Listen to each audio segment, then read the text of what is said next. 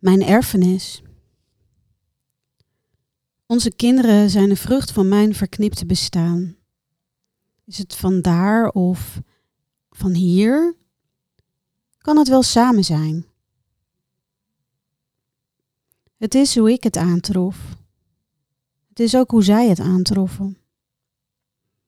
Tussen de brokstukken liggen de parels voor het oprapen. Parels voor de zwijnen van wel eer. Verkeerd begrepen, geherdefinieerd, geherwaardeerd, aan waarde ingeboet.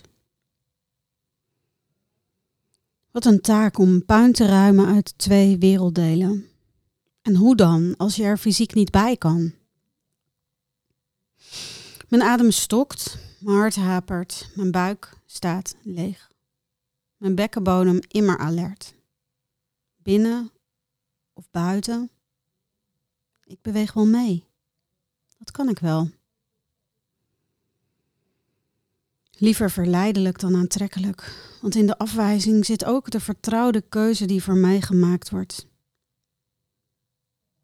Hoe mooier, hoe meer ik me moet begrenzen.